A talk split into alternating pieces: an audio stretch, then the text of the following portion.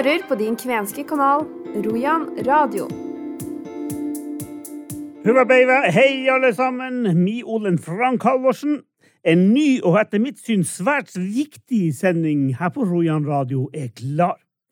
Dette er en spesiell sending ettersom det kun er ei uke til den store nasjonale begivenheten skal skje når rapporten fra Sannhets- og forsoningskommisjonen skal leses opp i sin helhet. Mange kvener skal delta, og vi har snakka med noen av dem. Jeg ønsker dere alle sammen vel møtt til dagens sending. Vi starter med den store begivenheten at det kun er ei uke igjen til rapporten fra Sandnes og forsoningskommisjonen skal legges frem på Nationaltheatret. Dette er en kjempesvær dugnad der hele rapporten på 700 sider skal leses opp på direktesendt TV torsdag og fredag i neste uke. Jeg blir litt sånn nervøs av å tenke på det, men eh, det går bra. Det har ikke gått opp for meg ennå, så jeg er egentlig ikke så veldig nervøs. Men du er jo vant til å stå på scenen. Eh, ja, men Ja, ikke på Nationaltheatret akkurat da, men sånn bare sånn på halvtid og ikke så Ikke Nationaltheatret, liksom. Det Men tror du det, at du blir å merke noe forskjell på Nationaltheatret og Halti? Ja, kanskje fordi at eh, jeg tror det er ganske mye større der, sånn hele rommet. Og scenen er sikkert mye større og alle sånne ting. Men ja, så jeg tror ikke jeg kommer til å merke ganske stor forskjell.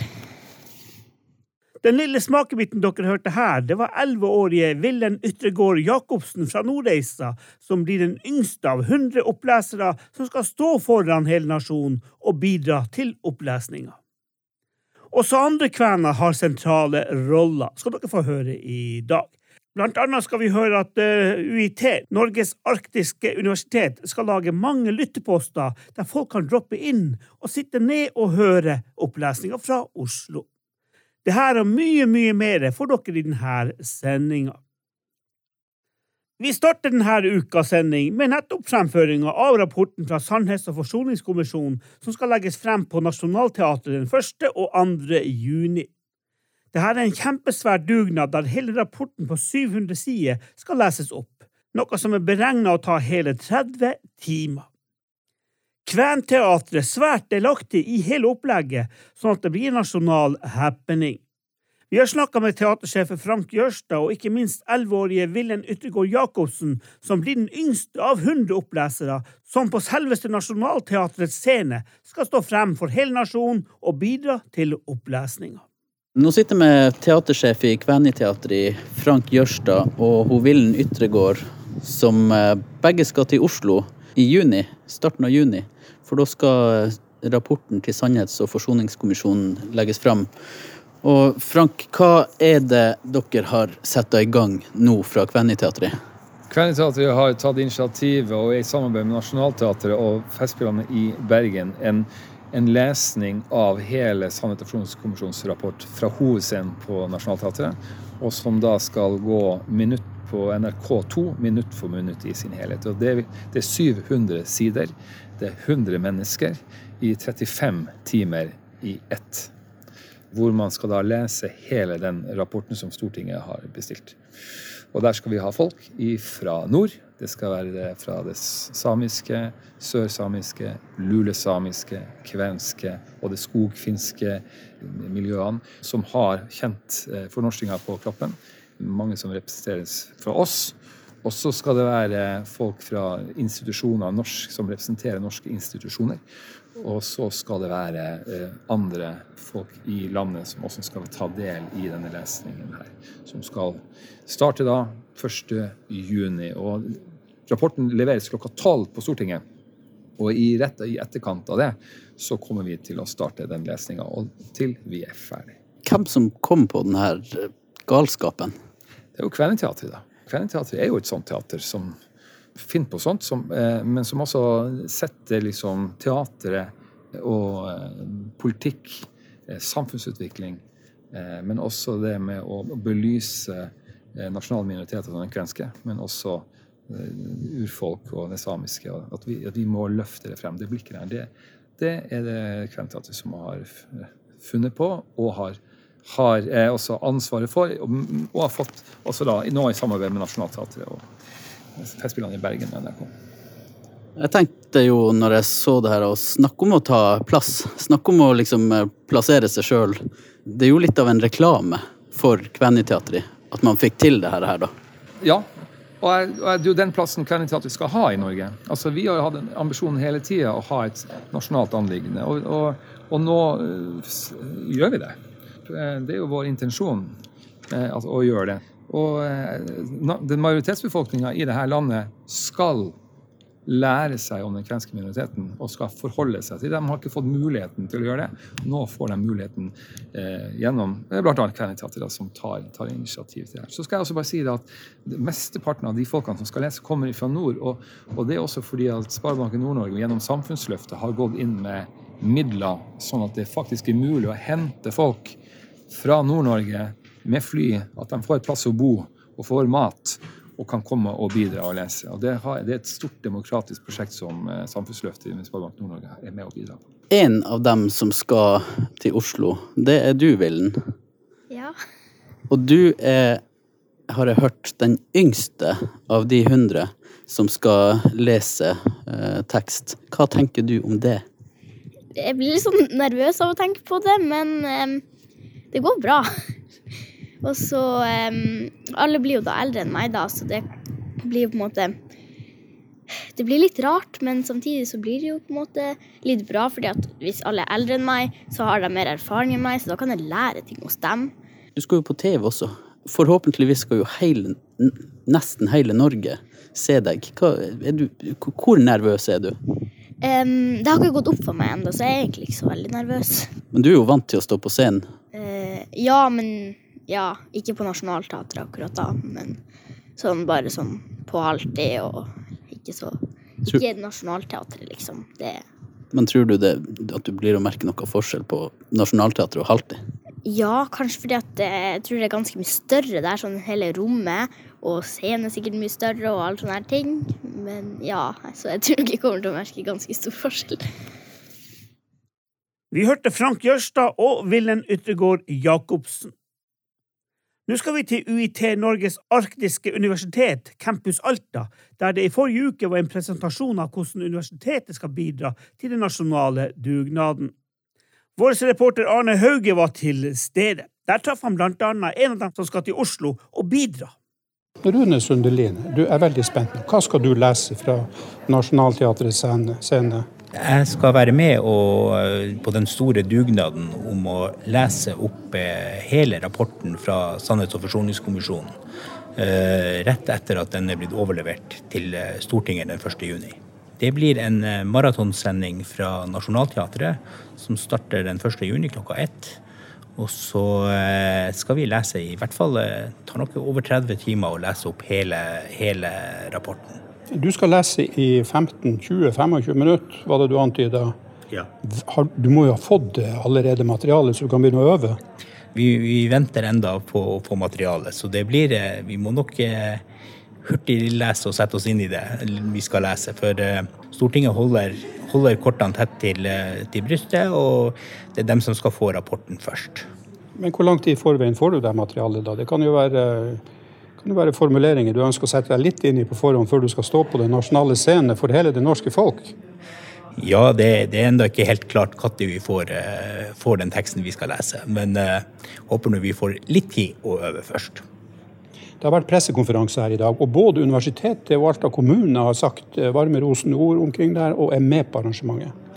Det er jo i utgangspunktet et initiativ som kommer fra Kveniteatret. Og Kverneteatret har fått med seg Festspillene i Bergen og Nationaltheatret og NRK til å gjøre denne eh, dugnaden med å lese det opp. Så har eh, vi fra UiT Norges arktiske universitet vi har tatt ballen, og så legger vi til rette for lytteposter rundt i hele Nord-Norge. Det blir sending til våre campus. Vi har elleve forskjellige campus på UiT. Vi har med oss Sparebanken, vi har med oss kommuner, vi har med oss eh, mange fra næringslivet som eh, også vil sette opp eh, skjermer og lage lytteposter rundt omkring i hele Nord-Norge. På butikker, på biblioteker, på kinoer, på kulturhus, på, på kommunehus. Så du skal merke at kommisjonen har lagt frem sin rapport når du beveger deg rundt i Norge den 1. og 2. juni. Og i kantine der blir det lihavelli og kaffeost, regner vi med? Det blir både kaffeost i og bidos og, og kvensk og, og, samisk mat eh, som vi serverer på, på, UiT sine campus den dagen. Og, ja, både, både den 1. og 2. juni. Til slutt, se litt i spåkula, for det her er jo seminarmat så det holder, den rapporten her. Kommer universitetet til å følge opp det her, sånn rent faglig? Ja da, vi kommer nok til å, å følge det opp på flere områder. Allerede 7.6 så har vi det første eh, seminaret, et, et forsoningsmøte i Domkirka i Tromsø den 7.6. Vi kommer nok til å ha mange arrangementer utover høsten med med det her som tema, og det vil nok også bli et stort forskningsfelt for våre forskere videre i årene fremover. Ordfører Monica Nilsen, Alta kommune er med på moroa? Vi er med, og vi skal holde åpent på eh, biblioteket. Så når det er pause i eh, opplesninga som streames fra UiT her, så kan man komme til Alta bibliotek. Og så hørte vi han eh, Kjetil Kristensen, næringslivssjefen i Alta, han sier at vi har to ører og én munn. Hva han mente med det?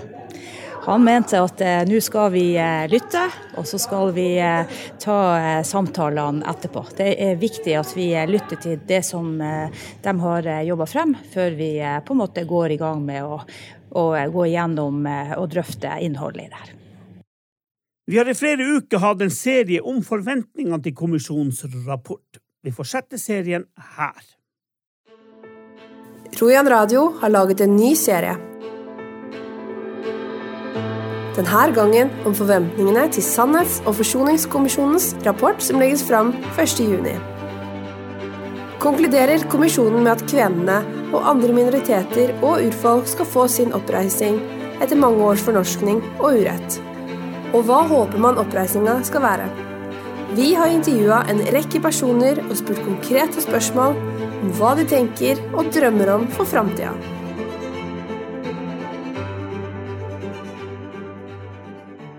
I forrige uke var det Hilde Skanke ved det kvenske instituttet i Børselv vi intervjua i saken om Sannhets- og forsoningskommisjonen. I dag skal dere få møte Kristine Jonas, nyvalgt leder i Kvenungdommen. Kommisjonen skal altså legge frem sitt eh, syn den 1. juni. Etter det, hva tror du vil skje? Oh, jeg tror det blir et enormt arbeid. Jeg har fått vite at den rapporten vil være på eh, rundt 700 sider. Det første vil jo være at vi må sette oss ned, og så må vi jo få lest den. Det har jo ikke kommet noen delrapporter underveis, så vi har jo egentlig veldig lite peiling på hva som, hva som den rapporten inneholder. Et lite innspill har vi vel fått, at de, de har tatt det på alvor.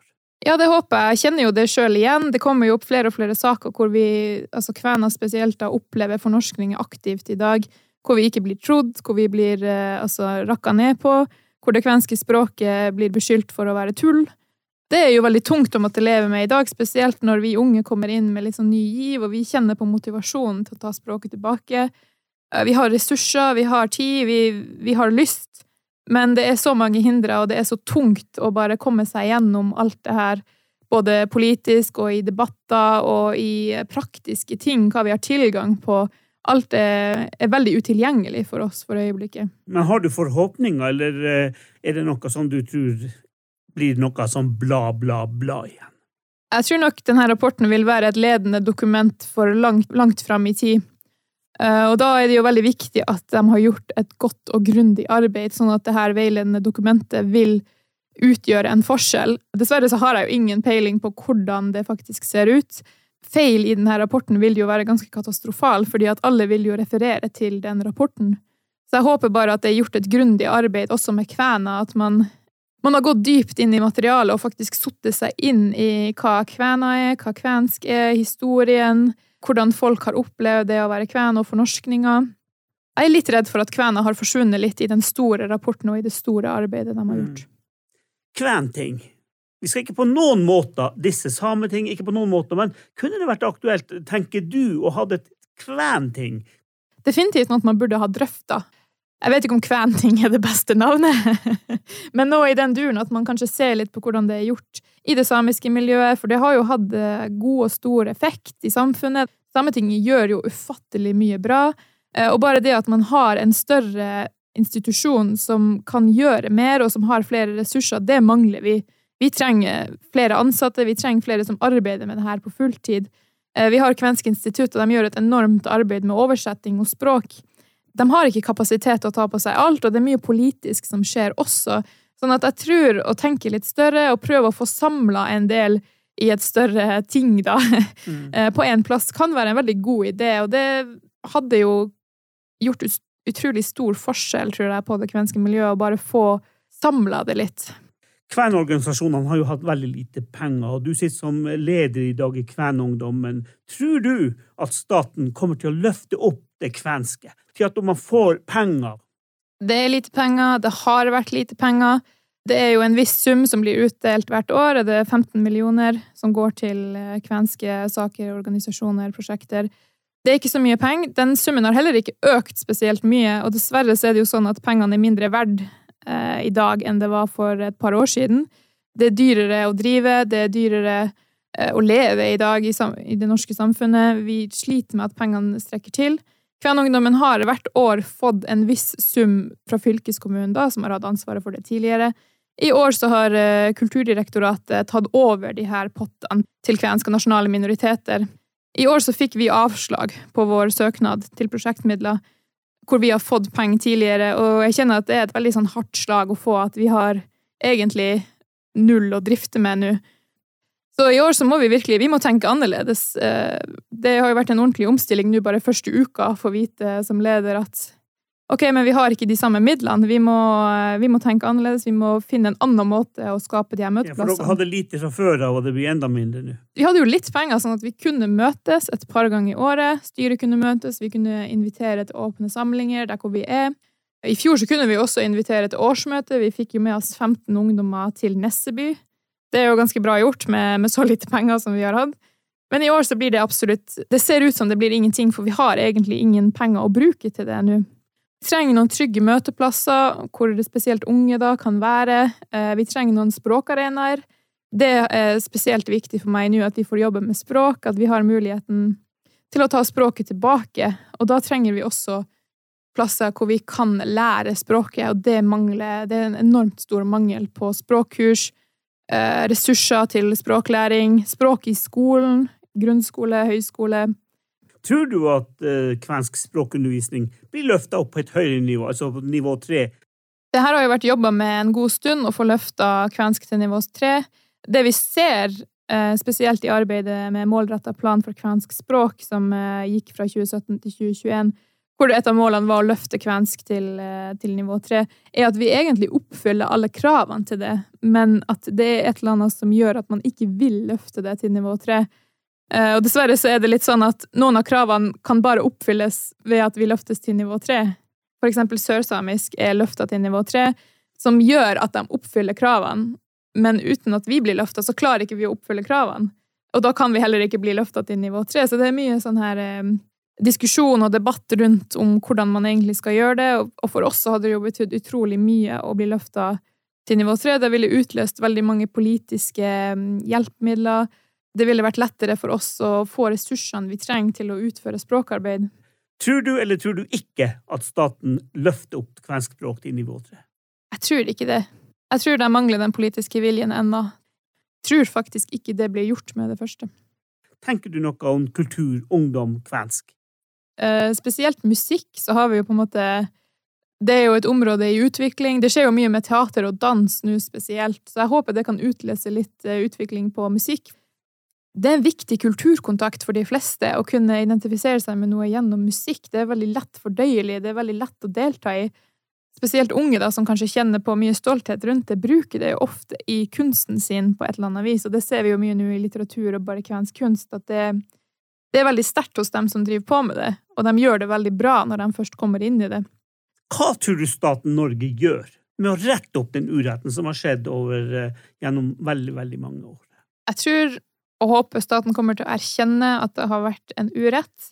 Men samtidig så kjenner jeg på at um, den politiske viljen er lav. Forhåpentligvis så blir det bedre. Men at vi fortsatt må kjempe for de rettighetene vi har krav på, og de rettighetene vi Altså, vi, vi kommer til å måtte kjempe for å få de rettighetene vi skal ha. Hele intervjuet med Kristine Jonas kan dere høre på rojangaiko.no under paraplyen Spesial. Der ligger alle intervjuene jeg har gjort i denne serien. I neste uke skal dere høre hvilke forventninger Vilde Kristoffersen Valsø i Norske Kveners Forbund har til kommisjonsrapporten. Nå skal vi til Vadsø for å møte festivalsjef Raimond Olufsen for den store kvenfestivalen som arrangeres i Vadsø fra 1. til 4. juni. Årets program er veldig variert. Vi har uh, kunst, vi har uh, historisk vandring, vi har musikk, vi har uh, diktere, forfattere. Vi har surdeigsbakekurs. Vi har podkastsendinger. Vi har kvenkamp med konebæring, tango, dansekonkurranse, tautrekking og rokonkurranse. Det høres Raimond, som en god finsk Viken, det her. Det gjør det. Vi har selvfølgelig også sauna og grilling og bading i Ytrebyfjæra, som vi har uh, hatt tidligere. Vi har uh, Kvæni-biennalen, som er tilbake. Kunstprosjekt som settes opp annethvert år. De var her første gangen i 2021. Vi har fått eh, årets eh, Kven 2022 kommer på besøk. Hun Kjersti Felt Anfinsen. Og hun tar med seg både forfatterhatten og eh, DJ-personligheter. DJ Saunasatan. Vi får Petter Pogo, som folk kjenner fra Senjahopen. For Ronja Lindbakk, en håpefull ung lokal vokalist som kommer og vil eh, fremføre ting. Og vi har ikke minst Hallgeir Pedersen Trio, som kommer og spiller på lørdagen. I tillegg så har vi jo da en presentasjon av Sannhets- og forsoningskommisjonen sin rapport. Det skjer på lørdag på, i museet sine lokaler. Det er mye som skjer. Det blir en svær festival, ja, rett og slett. Vi håper på både, både latter og uh, mange smil og fornøyde mennesker når uh, festivalen seg av på søndag 4. Eh, juni. Det har vært et omfattende arbeid å få til det her, i og med at det er så mange involverte her. Hvor viktig er denne festivalen, tenker du? Her i Øst-Finnmark så er jo det her det eneste arrangementet vi har, bortsett fra Kvenfolkets dag, da, som er med på å løfte frem den kvenske kulturen. Så her vil jeg si at den er veldig viktig for synliggjøringa mm. av uh, det kvenske. Hvordan har det vært for deg som båtsjording og, og, mest av alt å jobbe med det kvenske? Vi har snakka før om det, men jeg tenker på i forbindelse med denne festivalen. Er det det viktigste som skjer i året der borte hos dere? Det er jo litt hvem du spør.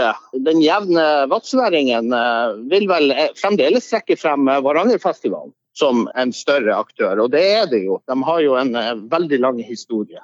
Kvenfestivalen har nå stått an av, og det ble starta opp i 2019. Det er faktisk femårsjubileet i år. Den vokser litt for, for hvert år. Det er meninga at den skal gjøre det.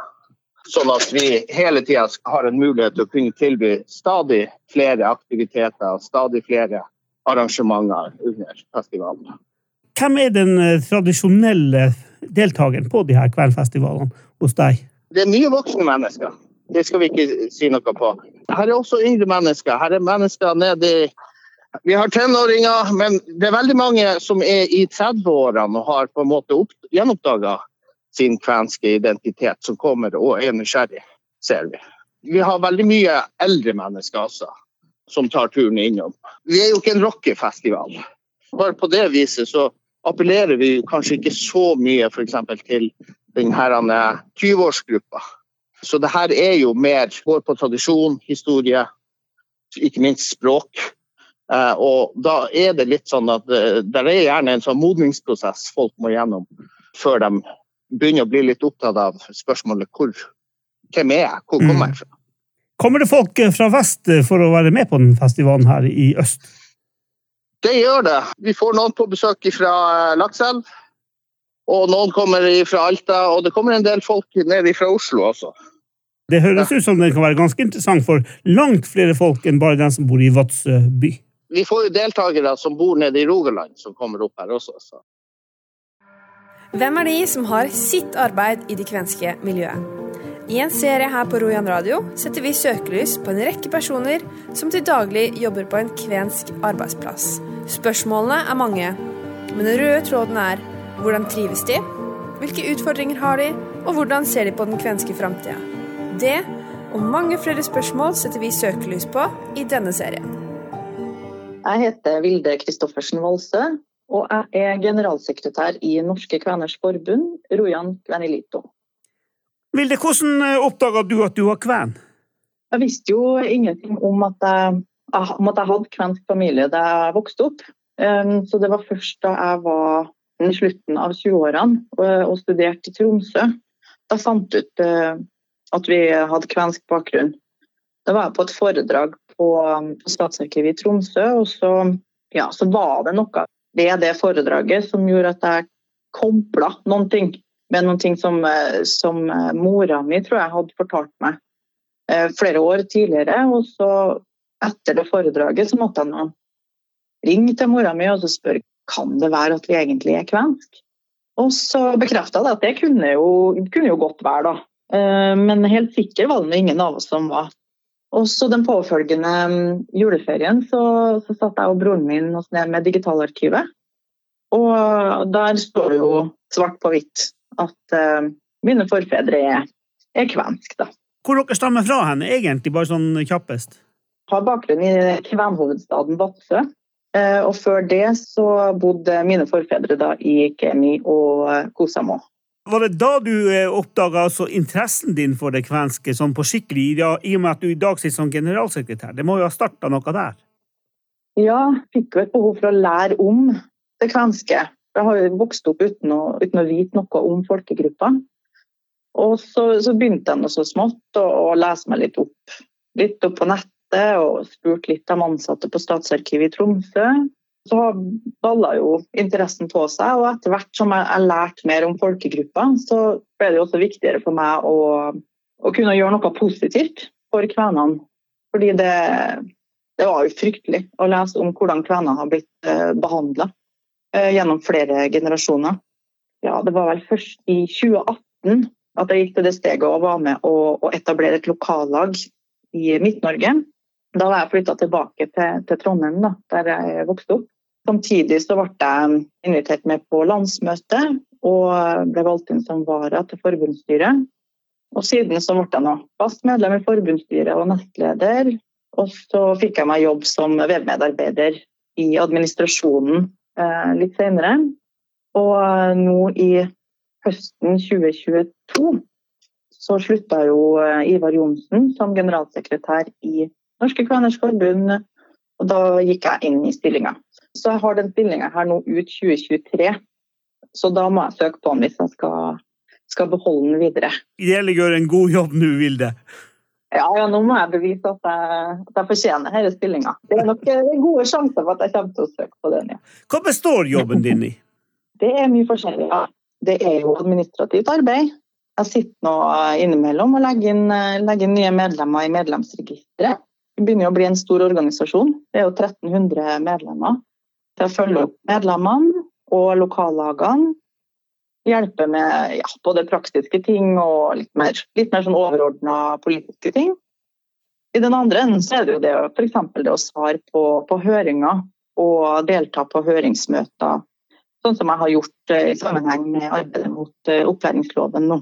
Jeg syns det er veldig artig å være med og, og jobbe politisk for det kvenske og være med på å forme framtida egentlig for, for det folket.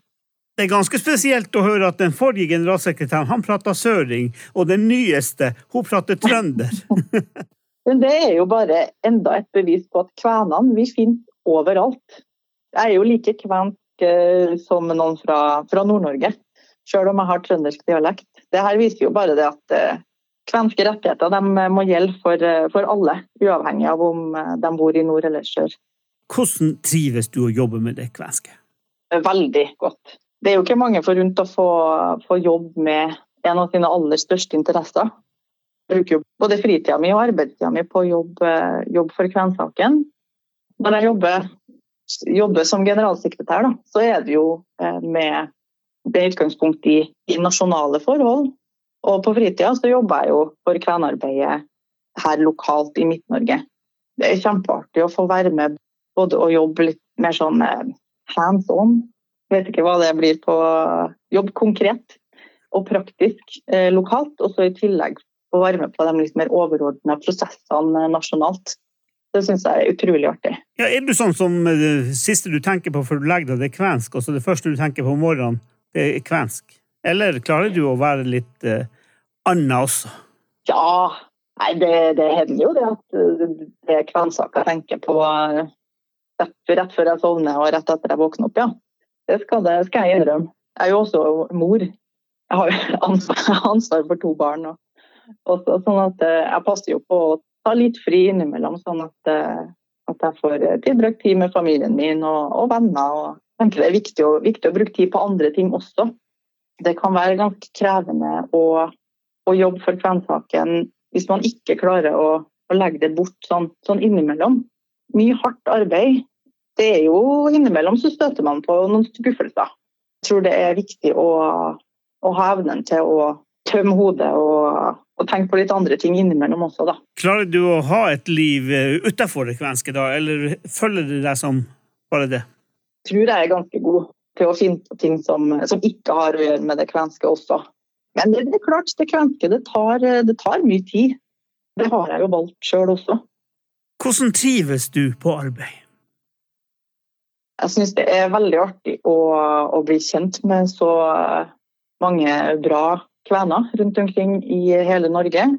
Og så syns jeg det er utrolig artig å være på, på samlinger og møter og få snakka eh, ansikt til ansikt med, med, alle folkene her. Men så bor jeg jo i Trondheim, og jeg sitter nå på hjemmekontor. Jeg er nok såpass sosial. Jeg hadde nok satt pris på å ha én person til på kontoret her i, i Trondheim. Men um, nå er det noe sånn at vi er spredt over hele, over hele Norge, vi som jobber med det. Sånn at um, da, da, får jeg nå ha kontakt med de andre på, på Teams og, og få møte dem når vi har samlinger og, og fysiske møter. Kommer du til å være generalsekretær i 2024 hvis det nå søkes og du får jobben? Takker du ja hvis du får tilbudet? Ja, hvis jeg får jobben, så kommer jeg til å være det i 2024. Ja, jeg må, jo, jeg må jo søke. Og så er det jo styret da, som bestemmer hvem som eh, blir tilsatt. Det var dagens sending, og neste torsdag er altså den 1. juni. Dagen da rapporten fra Sannhets- og forsoningskommisjonen skal leses opp. Vi kommer garantert tilbake til den i sendinger fremover. Mitt navn er Frank Halvorsen. Ansvarlig for denne sendinga er Royan Gaiko-redaktør Arne Hauge. Jeg er altså tilbake torsdag 1. juni klokka 11. Frem til da ønsker jeg dere alle sammen en fin, fin uke. Hyvesti!